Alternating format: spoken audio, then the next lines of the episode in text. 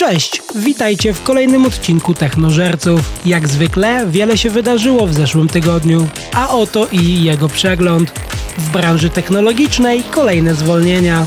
W zeszły poniedziałek LinkedIn poinformował, że zwalnia 668 osób w trzeciej rundzie zwolnień w jednostce należącej do Microsoftu w tym roku.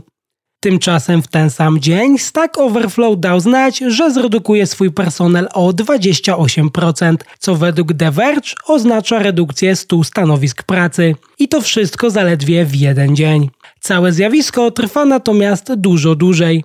Pod koniec ubiegłego tygodnia Flexport zwolnił 20% swojego personelu, czyli 660 osób a z dokumentów urzędowych wyciekły informacje, że Qualcomm planuje zwolnić 1258 pracowników w Kalifornii.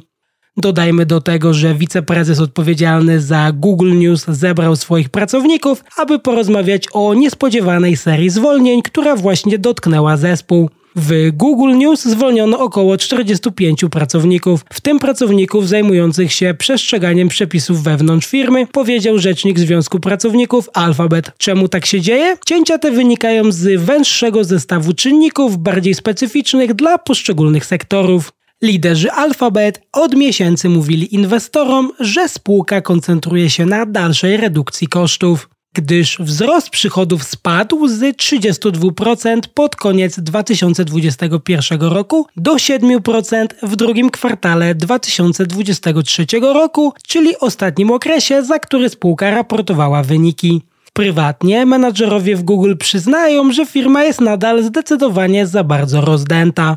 Wewnątrz firmy słyszy się wiele anegdot o ludziach zarabiających ogromne sumy pieniędzy, powielając czyjąś pracę lub prawie w ogóle nie pracując. Mowa tutaj o stanowiskach L8 i L9 w Google, na których pracownicy zarabiają ponad 1 milion dolarów rocznie. Jeśli przyłożysz ucho w innym miejscu, to usłyszysz także coraz bardziej niepochlebną opinię na temat wyższej kadry kierowniczej i tego, jak poradziła sobie z cięciami kosztów w tym roku. Zdaniem jednego z obecnych menadżerów, Google, kontynuując przedłużanie strachu i bólu, naraża się na ryzyko zaniku dużej ilości dobrej woli wśród przyszłych rekrutów, którą budował przez wiele lat, a jego zdaniem czasami lepiej po prostu zerwać plaster i iść dalej. Na tym nie koniec problemów Google.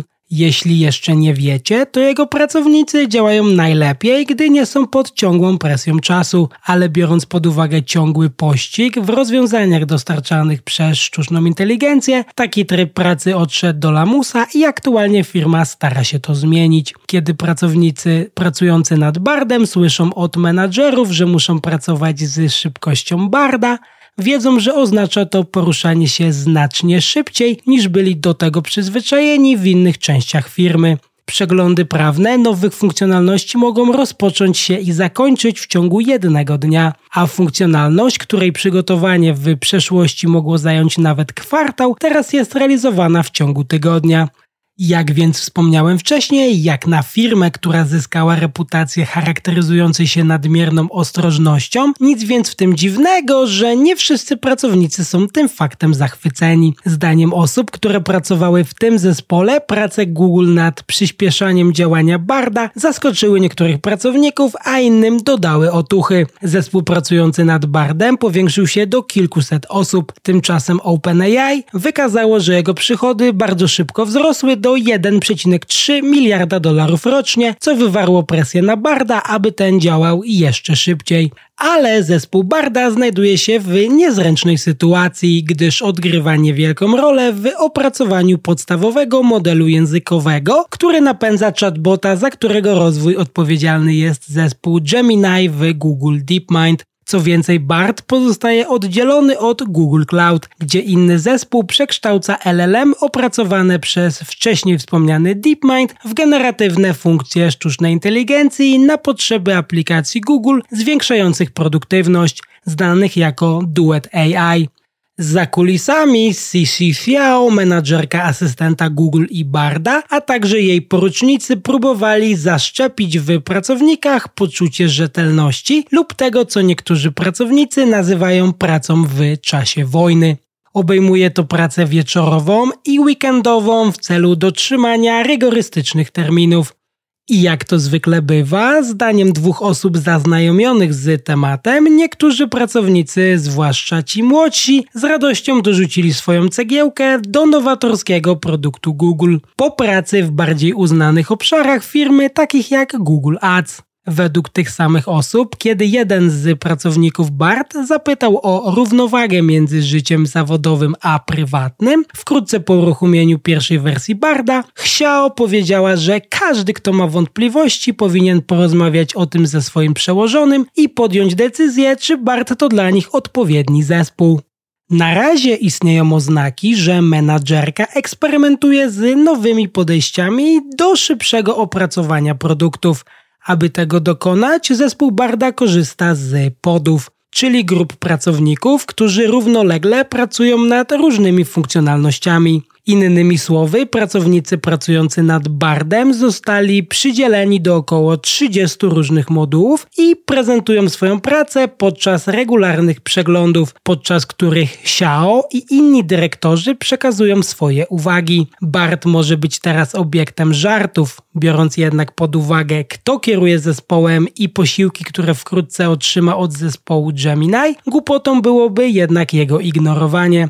Jak więc widzimy, nowa atmosfera to poważna zmiana kulturowa dla Google, które wielu pracowników branży technologicznej od dawna uważało za jedno z najbezpieczniejszych miejsc pracy pod względem jej utrzymania. Tak czy owak, życzę im jak najmniej bugów przy implementacji nowych funkcjonalności. Problemy ma jednak nie tylko Google, a także Nvidia po tym jak w zeszły wtorek rząd USA ogłosił nowe zasady, które ograniczają amerykańskie firmy, takie jak Nvidia i Intel, co do sprzedaży zaawansowanych półprzewodników, w tym chipów sztucznej inteligencji chińskim firmom. Ograniczenia mają na celu zamknięcie luk w przepisach dotyczących chipów, które USA ogłosiło w zeszłym roku. We wtorkowym zgłoszeniu do Komisji Papierów Wartościowych i Giełd Nvidia oświadczyła, że przepisy zakażą sprzedaży chipów A800 i H800, które zostały zaprojektowane specjalnie na eksport do Chin. Ograniczenie dostępu Chin do chipów było głównym celem administracji Bidena i sekretarz handlu Jean Raimondo, którzy oświadczyli, że chcą uniemożliwić Chinom wykorzystanie wcześniej wspomnianych chipów do celów wojskowych. Pewnie dla kogoś to dobra nowina, ale niekoniecznie dla Nvidia. Z ponad 10 miliardów dolarów, które firma wygenerowała w zeszłym kwartale ze sprzedaży swojej technologii centrum danych, od 20 do 25% przychodów pochodziło ze sprzedaży właśnie w Chinach. Nic więc w tym dziwnego, że w zeszły wtorek po tych wiadomościach cena ich akcji spadła o 4,7%. A skoro już przy Chinach jesteśmy, to dyrektor generalny Apple, Tim Cook, po raz drugi w tym roku odwiedza Chiny. W związku z analizą firmy przez chińskie agencje rządowe i co z tym związane, wolniejszą sprzedażą iPhone'ów. Przemawiając w sklepie detalicznym Apple w południowo-zachodnim przemysłowym mieście Chengdu, Cook powiedział reporterowi China Daily, że jest podekscytowany faktem, że chińscy programiści tworzą aplikacje dla nadchodzącego Apple Vision Pro. Na miejscu Cook obejrzał także rozgrywkę w Honor of Kings, jednej z najpopularniejszych gier mobilnych w Chinach. Wizyta Cooka ma miejsce, gdy Apple stara się zmienić swoją narrację w Chinach. W zeszłym miesiącu Wall Street Journal i inne źródła doniosły, że urzędnicy centralnych agencji rządowych nakazali pracownikom, aby nie używali w pracy urządzeń zagranicznych marek, w tym iPhone'ów. Niezależnie od tego, Apple sprzedaje w Chinach mniej iPhone'ów 15 w porównaniu z poprzednimi modelami, podał Bloomberg powołując się na ekskluzywne dane Counterpoint Research, a podczas gdy w Chinach sprzedaż produktów Apple jest wolniejsza, Huawei zaczyna zdobywać coraz więcej klientów dzięki swojemu najnowocześniejszemu smartfonowi z najwyższej półki, co pokazuje, że amerykańskie sankcje nie spowolniły ich postępu w budowie zaawansowanych chipów. To jednak nie wszystko w temacie Apple, które według osób posiadających bezpośrednią wiedzę o całej sytuacji zwolniło co najmniej pięciu pracowników, którzy pracowali w App Store w Chinach w następstwie wewnętrznego dochodzenia w sprawie niewłaściwego postępowania w biznesie. Ich zdaniem Apple stwierdziło naruszenia takie jak niesankcjonowany kontakt z twórcami gier mobilnych lub konsultantami pracującymi w ich imieniu. Audyt wewnętrzny ujawnił nieprawidłowości w 2022 roku, co doprowadziło do wszczęcia dochodzenia, które zakończyło się mniej więcej w połowie tego roku. Uczestniczyło w nim ponad pół tuzina pracowników chińskiego App Store, który generuje dla Apple miliardy dolarów zysków rocznie rocznie, szczególnie z gier mobilnych. Pracownicy objęci dochodzeniem pracowali w wielu działach, pomagając programistom zatwierdzać aplikacje do umieszczenia w sklepie, udzielając im porad jak zwiększyć przychody z aplikacji, a przy tym podejmowali decyzje, które aplikacje mają być prezentowane na stronie głównej App Store. Jak możecie się domyślać, umieszczenie aplikacji na stronie głównej może mieć ogromny wpływ na sukces aplikacji. Część dochodzeń dotyczyła niesankcjonowanych kontaktów tych pracowników z twórcami gier i ich konsultantami, którzy prowadzą firmy, twierdząc następnie, że te firmy mogą uzyskać zatwierdzenie gier lub udostępnienie ich w App Store. Naruszenia obejmowały przyjmowanie gratisów w postaci opłaconych posiłków i wyjść do klubów nocnych od tych firm w zamian, powiedziała jedna z osób zaznajomionych z całą sytuacją. Pięciu pracowników App Store, którzy zostali zwolnieni przez Apple po wszczęciu dochodzenia w sprawie niewłaściwego postępowania biznesowego, albo nie skomentowało tego zdarzenia, albo nie odpowiedziało na prośby o komentarz.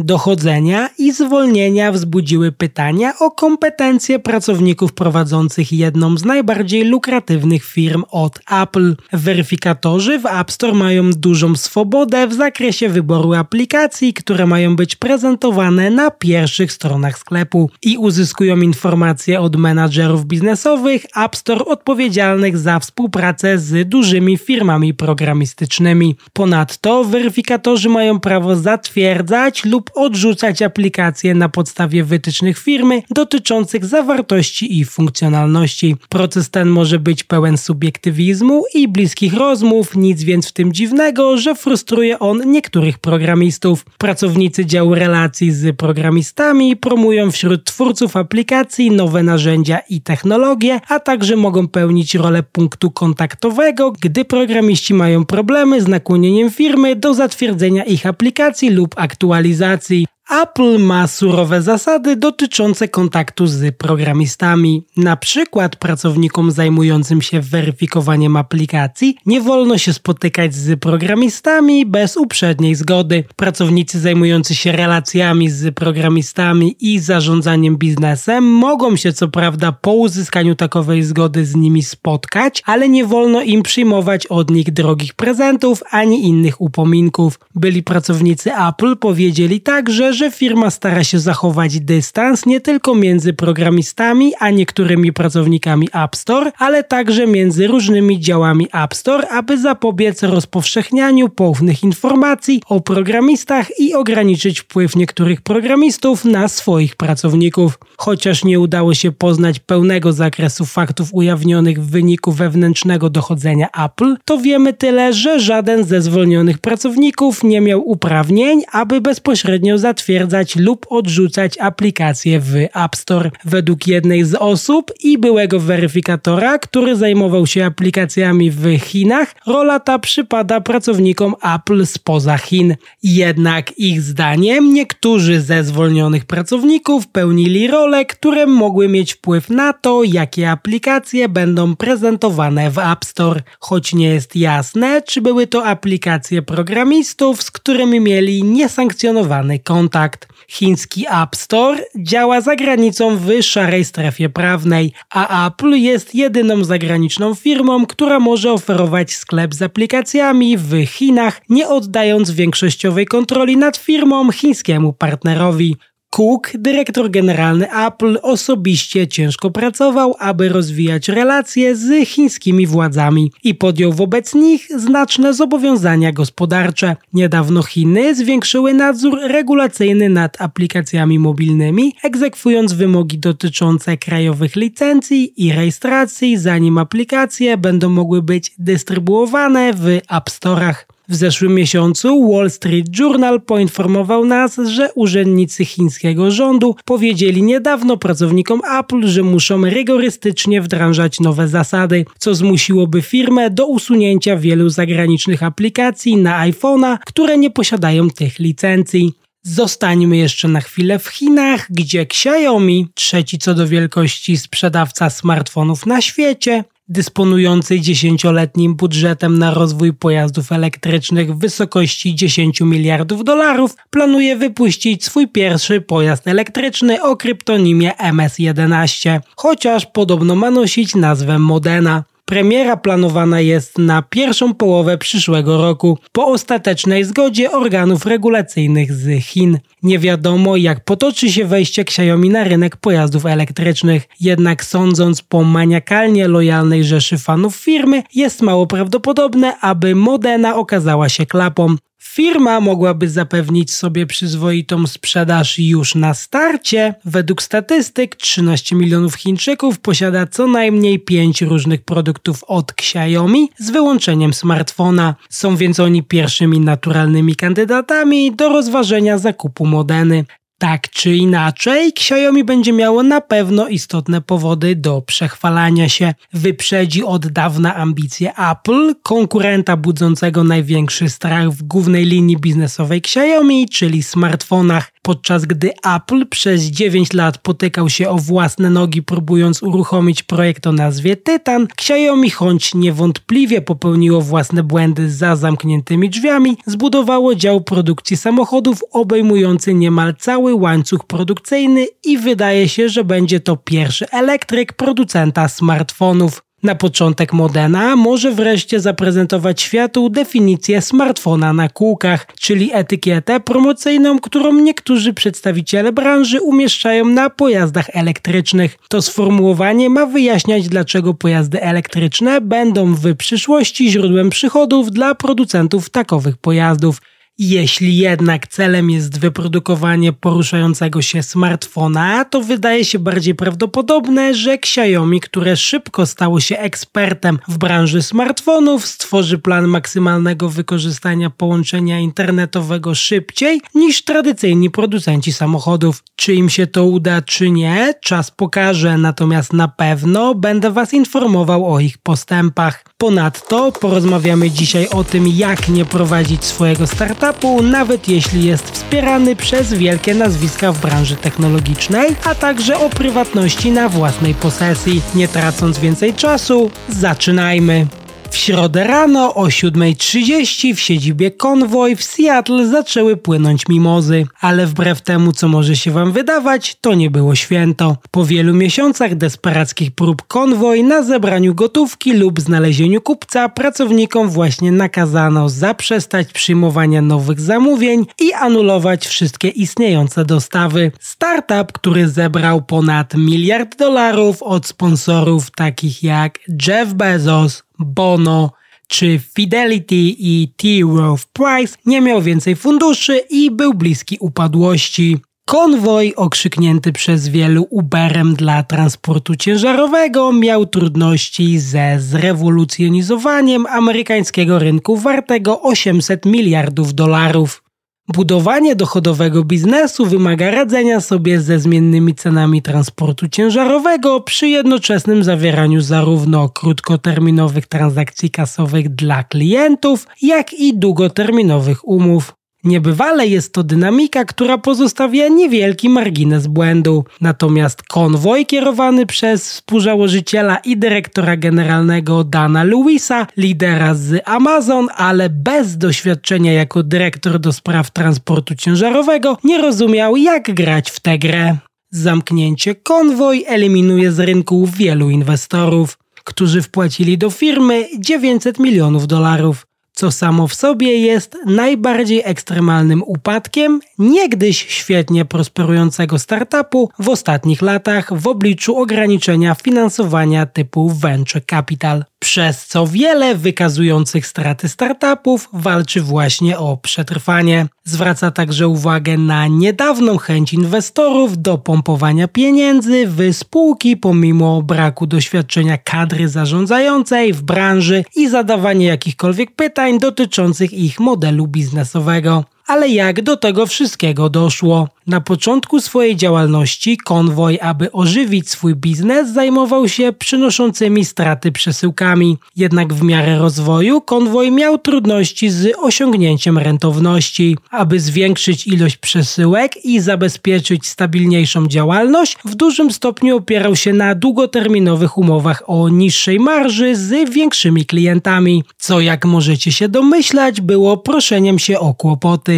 Kiedy w 2021 roku stawki za transport samochodami ciężarowymi gwałtownie wzrosły w związku z załamaniem łańcucha dostaw, firma musiała się naprawdę postarać, aby uzyskać jednorazowe transakcje z wyższą marżą, powiedziała osoba zaznajomiona z działalnością firmy. W tym samym czasie firma popełniała inne kosztowne błędy. Po pierwsze, według tej samej osoby firma w dalszym ciągu zwiększała zatrudnienie, zatrudniając więcej pracowników niż potrzebowała. A po drugie, kiedy w 2021 roku konwoj przeprowadził się do nowego, eleganckiego biura w wieżowcu Russell Investment Center w Seattle, nie mógł zerwać umowy najmu ani znaleźć innego najemcy, który przejąłby ich starą powierzchnię biurową. W firmie pozostało więc płacenie za jedno i drugie biuro jednocześnie, co jak się pewnie domyślacie, nie było tanim zabiegiem. Gdy w tym samym roku rynek transportu ciężarowego poleciał na łeb na szyję, a przychody firmy spadły, pozyskanie znacznej ilości gotówki przez stratny już startup było prawie niemożliwe. Zamknięcie konwoj jest następstwem mniej ekstremalnych potknięć, jakie poniosły inne wcześniej świetnie prosperujące startupy z branży logistycznej. Należą do nich Flexport, którego założyciel Ryan Peterson niedawno zastąpił wybranego przez siebie następcę Dave'a Clarka i od tego czasu zwolnił 20% personelu, a także Project 44 i Flex. Wszystkie te niepowodzenia poddały w wątpliwość wizję, która przyciągnęła miliardy dolarów inwestorów, w tym w szczytowym okresie pandemii, kiedy gwałtownie wzrosły zakupy online, a problemy w łańcuchu dostaw sprawiły, że zazwyczaj mało znana działalność polegająca na transporcie towarów stała się problemem, który głośno przy tym krzycząc obiecywały rozwiązać firmy z branży technologicznej. Tradycyjni konkurenci pozostawali sceptyczni wobec modelu biznesowego konwoj, zarzucając im wykorzystanie pieniędzy z kapitału wysokiego ryzyka do dotowania przejazdów, podcinając przy tym konkurencję. Wielu z nas, którzy są blisko branży, spojrzało na te wyceny i pomyślało WTF, powiedział Derek Losing, doradca do spraw logistyki, który wcześniej był dyrektorem do spraw transportu towarowego w Amazon i Delta Airlines, a teraz największy z tych firm padają na twarz, powiedział. Firma Convoy została założona w Seattle w 2015 roku przez Dana Lewisa i Granta Goodale parę byłych pracowników Amazona. Louis pracował w zespole nowych doświadczeń zakupowych, giganta handlu elektronicznego, a Goodale był menadżerem do spraw inżynierii, co na swoim profilu na LinkedInie opisuje jako ciężkie przeżycie. Żaden z nich nie miał doświadczenia jako dyrektor do spraw transportu towarowego. Zamiast tego Louis, który został dyrektorem generalnym i Goodale, który został dyrektorem do spraw technologii, powiedzieli, że zostali zainspirowani do ponownego przemyślenia branży transportu ciężarowego po podróży po północno-zachodnim wybrzeżu Pacyfiku, aby spotkać się z pracownikami na postojach dla ciężarówek i w magazynach. Aby zebrać pieniądze, para podsunęła inwestorom pomysł, że podejście stawiające na automatyzację może wstrząsnąć staroświecką branżą transportu towarowego. Zaproponowali użycie czadowej aplikacji na smartfony przypominającej Ubera, aby bezproblemowo połączyć niezależnych kierowców ciężarówek ze spedytorami, którzy musieli przewieźć ładunek, eliminując przy tym tradycyjnych pośredników. Miało to także aspekt środowiskowy. Pomysł był taki, że bardziej wydajny system zmniejszyłby liczbę kilometrów pokonywanych pustymi ciężarówkami między miejscami pracy, pomagając w ten sposób zmniejszyć ślad węglowy całej branży. Założyciele byli wręcz dumni z tego, że mają korzenie spoza starej szkoły branży transportu ciężarowego. We wczesnej wersji strony poświęconej karierom w firmie widniała informacja, że obecni pracownicy pochodzili z kilku firm niezwiązanych z logistyką, w tym Google, Starbucksa i startupu Rover, zajmującego się opieką nad zwierzętami. Pierwsi sponsorzy to przedstawiciele elity technologicznej, w tym Bezos, Bill Gates, Mark Benioff z Salesforce i współzałożyciel Instagrama Kevin Systrom. Wraz z ekspansją firmy z obszaru Puget Sound na kolejne części Stanów Zjednoczonych w latach 2016 i 2017 konwoj wydawało się sukcesem, a jego ambicje rosły. Według byłego pracownika konwoj Lewis opowiadał o tym, jak pewnego dnia sprzedał technologię konwoj wartym miliardy dolarów konkurentom takim jak DHL. W 2016 roku firma nawiązała czteroletnią współpracę z Unileverem, dzięki której otrzymała dostęp do kilkudziesięciu tysięcy przesyłek. Transakcja była warta miliony i uczyniła Unilever jednym z największych klientów Convoy. Jednocześnie od inwestorów gotówka płynęła wręcz rzeką. Wycena Convoy przekroczyła 1 miliard dolarów w 2018 roku, co przyciągnęło inwestorów takich jak T. Rowe Price i Lone Pine Capital w tym samym roku, w którym firma ogłosiła inwestycje od Bono i The Edge z U2. Bono i The Edge wiedzą o transporcie ciężarowym więcej niż mogłoby się wam wydawać, napisał Lewis w notatce ogłaszającej inwestycje. Aby jeszcze bardziej rozszerzyć swój zasięg, konwoj zaczął leasingować naczepy wynajmowane spedytorom. W latach 2017-2019 firma rozwinęła platformę handlową typu Drop and Hook, która umożliwia kierowcom odbiór wstępnie załadowanych naczep zarządzanych przez konwoj, co pomaga skrócić czas spędzany przez kierowców w oczekiwaniu na przesyłki i zwiększyć marżę konwoj. W 2020 roku firma zatrudniła Marka Okerstoma, byłego dyrektora generalnego internetowego giganta turystycznego Expedia, na stanowisko prezesa i dyrektora operacyjnego konwoj. I to on, zdaniem dwóch byłych pracowników zaczął kierować bieżącą działalnością firmy. W tym samym czasie konwoj zaczął przenosić swoją uwagę z jednorazowych dostaw z rynku spot na długoterminowe kontrakty z dużymi firmami, takie jak transakcja z Unileverem, które mogłyby zapewnić mu stabilniejszy strumień przychodów. Według osób zaznajomionych z działalnością konwoj, nawet w miarę rozwoju firmy, nie było jasne, czym tak naprawdę jest Konwoj, czy jest firmą technologiczną, czy pośrednikiem w transporcie towarowym. Louis często mówił pracownikom, że firma spełnia jedno i drugie założenie oraz, że konwoj musi przyciągnąć klientów, aby pomóc w skalowaniu technologii firmy. Aby ożywić biznes, Louis i Goodale za priorytet uznali zwiększenie zatrudnienia w firmie. Według dwóch osób zaznajomionych z pracownikami firmy w czasie pandemii zatrudnienie osiągnęło najwyższy poziom 1450 osób. Biorąc pod uwagę ambitną wizję i dużych sponsorów, konwoj powinien był być dobrze przygotowany do wykorzystania boomu na rynku przewozów towarowych w 2021 roku, kiedy problemy w łańcuchu dostaw spowodowały dramatyczny wzrost stawek za transport towarów i masowy napływ inwestorów do tego właśnie sektora. Głównym źródłem przychodów konwoj było pośrednictwo, które łączy spedytorów z przewoźnikami i kierowcami ciężarów którzy korzystają z aplikacji Convoy w celu znalezienia pracy, a spedytorami, którzy korzystali z floty naczep, którymi zarządza Convoy. Pośrednictwo Convoy zawierałoby umowy ze spedytorami na różne ilości ładunków i łączyło spedytorów z przewoźnikami w celu dostarczenia ładunków po określonych stawkach, a Convoy zgarniałby różnice.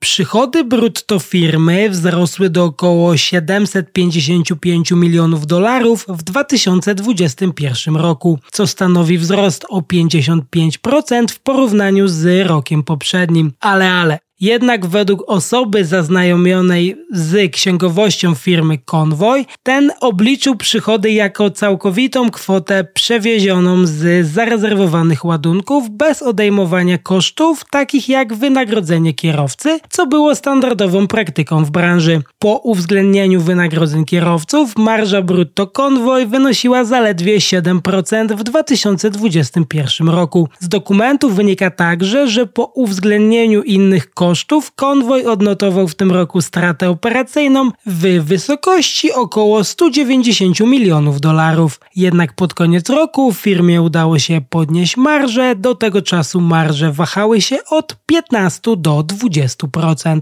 Firma miała także trudności ze skuteczną konkurencją z bardziej tradycyjnymi pośrednikami w transporcie towarowym, szczególnie w przypadku dużych firm z listy Fortune 500. Nacisk na automatyzację nie sprawdził się w branży spedycyjnej, gdzie spedytorzy są przyzwyczajeni do rozwijania relacji z przedstawicielami handlowymi i opiekunami klientów w różnych domach maklerskich. Kiedy ceny zaczęły rosnąć po zakłóceniach w łańcuchu dostaw, które spowodowały gwałtowny wzrost stawek za przesyłki, inni brokerzy mogli renegocjować istniejące umowy, aby podnieść ceny. Jednak przedstawiciele handlowi konwoj byli mniej proaktywni w reagowaniu na zmiany na rynku, co utrudniało resetowanie stawek. Szeregowi menadżerowie i przedstawiciele handlowi często musieli decydować, czy przyjąć przesyłkę, czy nie, mając ograniczony dostęp do informacji o tym, jak każda pojedyncza transakcja, którą przeglądali, wpływała na wyniki finansowe firmy, co skłoniło ich do podpisania umów, które zakończyły się stratą pieniędzy. Według PitchBook konwoj ogłosił ostatnią rundę zbierania funduszy w kwietniu 2022 roku, w ramach której pozyskał 160 160 milionów dolarów kapitału własnego i 250 milionów dolarów długu. W tym czasie Okerstone powiedział The Wall Street Journal, że konwoj jest coraz bliżej swojej pierwszej oferty publicznej. Jednak kilka tygodni później zaczął się pogłębiać spadek cen i wolumenu przewozów, a inwestorzy wycofali się z finansowania przynoszących straty przedsiębiorstw.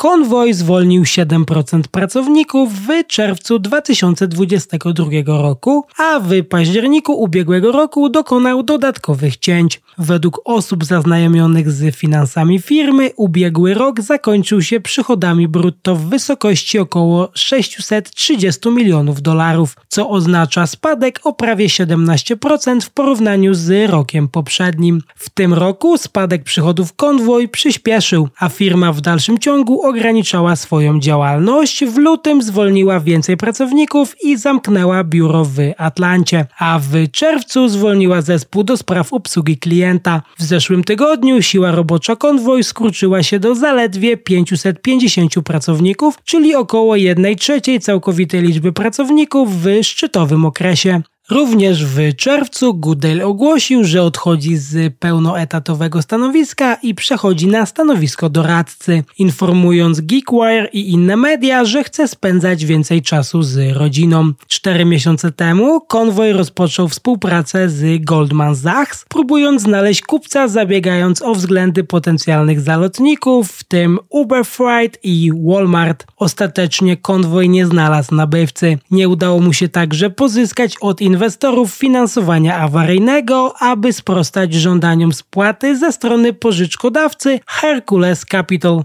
Zamiast tego Hercules przejął faktyczną kontrolę nad firmą i wkroczył do akcji, aby sprzedać technologię i własność intelektualną firmy. Do czasu zamknięcia konwoj jego roczny przychód brutto wyniósł około 320 milionów dolarów, co oznacza, że był znacznie niższy od łącznych przychodów z zeszłego roku. W czwartek jak rano Lewis i Okerstrom ze łzami w oczach powiedzieli pracownikom konwoj, że zdecydowana większość z nich straci tego dnia pracę. Pracownicy nie byli całkowicie zaskoczeni, wiedzieli, że konwoj ma kłopoty, ale byli zdenerwowani, że nie otrzymają żadnej odprawy.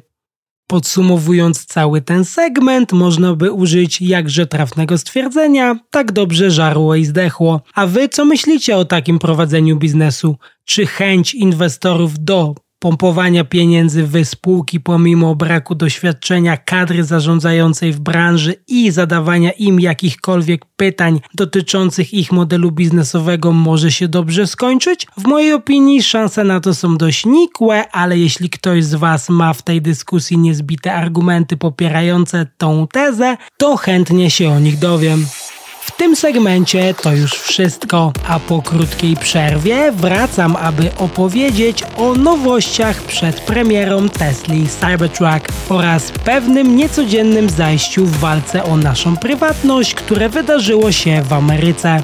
Po więcej informacji ze świata technologii i codzienną dawkę zabawnych tweetów zapraszam Was na Instagram Technożercy. A jeśli interesuje Was krótki kontent technologiczny, to koniecznie wpadnijcie na konto Technożercy na wcześniej wspomnianym Instagramie, Xie oraz TikToku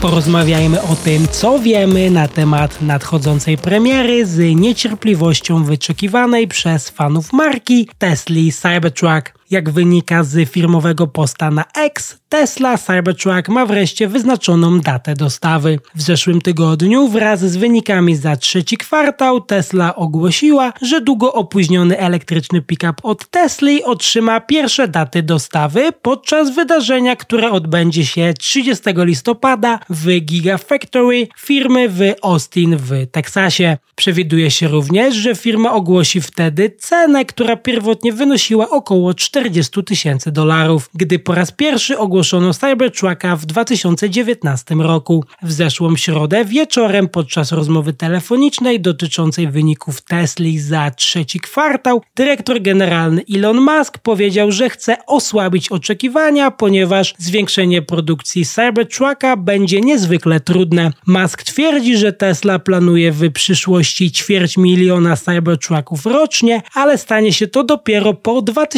2024 roku i potwierdził, że do tej pory ponad milion osób zarezerwowało tę ciężarówkę. Wykopaliśmy swój własny grób Cybertruckiem, powiedział Musk.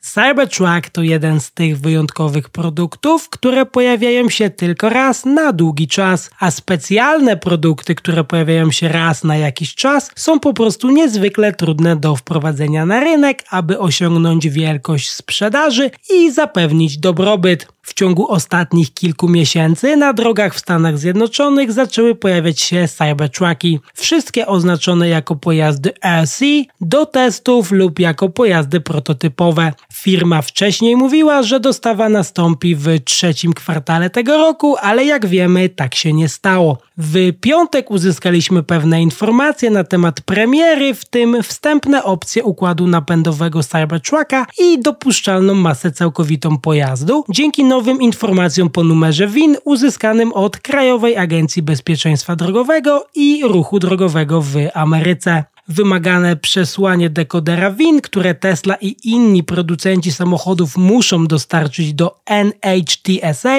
przed dostawą pojazdów do klientów jest teraz dostępne dla wszystkich do wglądu i rozszyfrowania ale najbardziej interesująca jest cyfra ósma, która reprezentuje silnik, jednostkę napędową i układ hamulcowy pojazdu. Opcje Cybertrucka to D dla Dual Motor, Standard i E dla Triple Motor Performance. Dokument zapewnia również pewne informacje na temat DMC, czyli maksymalnej masy wraz z pasażerami i ładunkiem. Opcje dla cyfry numer 6 w WIN obejmują klasę G dla Cybertrucka Cybertrucka DMC wynoszącą od 8001 do 9000 funtów, natomiast klasa H wynosi od 9001 do 10000 funtów. Na forum użytkownik Bill837 szacuje masę własną pojazdu z dwoma silnikami od 5000 do 6000 funtów, a w wersji trójsilnikowej od 6000 do 7000 funtów. Dla porównania dopuszczalna masa całkowita całkowita Forda F-150 Lightning Platinum wynosi 8550 funtów, a masa własna wynosi 6500 funtów. Niestety żadna analiza win nie ujawni cen, pojemności baterii ani zasięgu szacowanego przez IPA. Od czasu pierwotnego ogłoszenia inni producenci samochodów nadrobili zaległości, wypuszczając własne elektryczne pick-upy,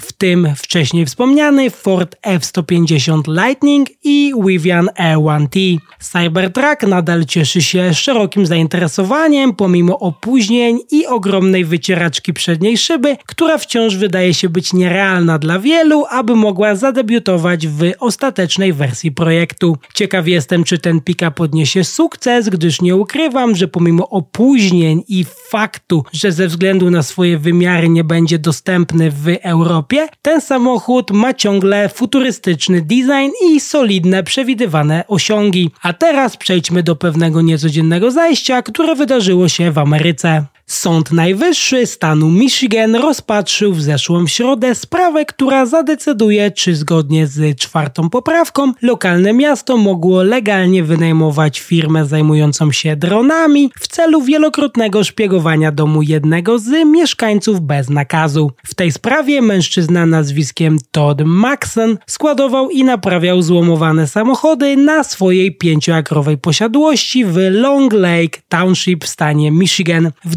2008 roku Maxon i gmina podpisali porozumienie, zgodnie z którym Maxon nie będzie musiał podejmować żadnych działań w zakresie podziału na strefy, jeśli nie zwiększy liczby samochodów na swojej posesji. W latach 2010, 2016, 2017 i 2018 władze miejskie zatrudniły firmę o nazwie Zero Gravity Aerial, która przeprowadziła badania posiadłości Maxona za pomocą dronów z powietrza, aby upewnić się, że wywiązuje się on z ustaleń ugody. Następnie miasto złożyło skargę na Maxona, stwierdzając, że on i jego żona znacznie zwiększyli liczbę złomowanych samochodów i innych śmieci przechowywanych na ich posesji, jak ustalono na zdjęciach lotniczych. Ich zdaniem zdjęcia ujawniają istnienie szeregu przyczep i ciężarówek z zamkniętymi skrzyniami ładunkowymi, które zgodnie z informacjami i przekonaniem są wykorzystywane przez pozwanych jako magazyny, napisało miasto w swoim postępowaniu egzekucyjnym. Te tymczasowe obiekty magazynowe naruszają rozporządzenie w sprawie zagospodarowania przestrzennego, ponieważ są niedopuszczalnymi budynkami dodatkowymi.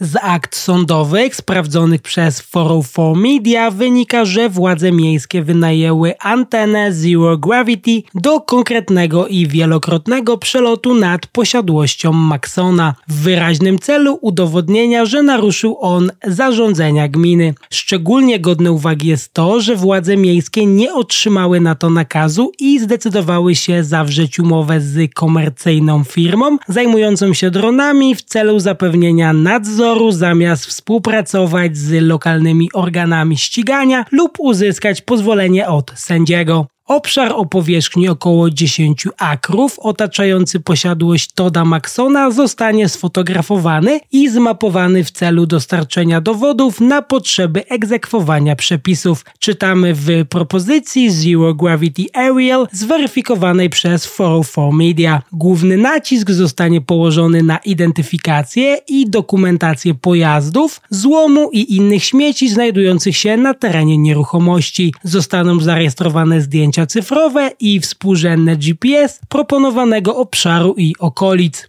Firma Zero Gravity Aerial dostarczyła zdjęcia lotnicze proponowanej nieruchomości, zdjęcia naziemne wykonane z dostępnych pobliskich nieruchomości oraz gotową ortomapę proponowanej nieruchomości, zgodnie z propozycją przedłużoną jako dowód. Firma udokumentowała także każdy przedmiot na nieruchomości, który został przeniesiony lub dodany, a także stworzyła inwentarz wszystkiego na jej terenie, za co otrzymała 1200 200 dolarów. Denis Viant, właściciel Zero Gravity Aerial, napisał oświadczenie, w którym stwierdził, że podczas wykonywania swojej misji nad posiadłością Maxona widział jak pan Maxon wchodził do swojego pojazdu i patrzył na drona. Stwierdził również, że Maxon podszedł do miejsca, w którym pilotował drona i zaczął go pytać, co on w zasadzie robi oraz stwierdził, że przeszkadza mu w pracy. Wiant powiedział dziennikarzowi 404 Media przez telefon, że to pierwsze badanie tego typu, jakie przeprowadził. Wiant specjalizuje się w monitorowaniu środowiska, a w szczególności ma doświadczenie w lataniu nad jeziorami w celu ustalenia, czy rozmnożyły się tam inwazyjne gatunki roślin. Wiant nie jest stroną w sprawie i nie jest oskarżony o jakiekolwiek wykroczenie. Próbowałem pomóc im rozwiązać problem, powiedział Wiant. Zatrudniono mnie do zbierania danych. Mówiąc prościej i odkładając na chwilę na bok konkretne kwestie prawne, zdaniem 404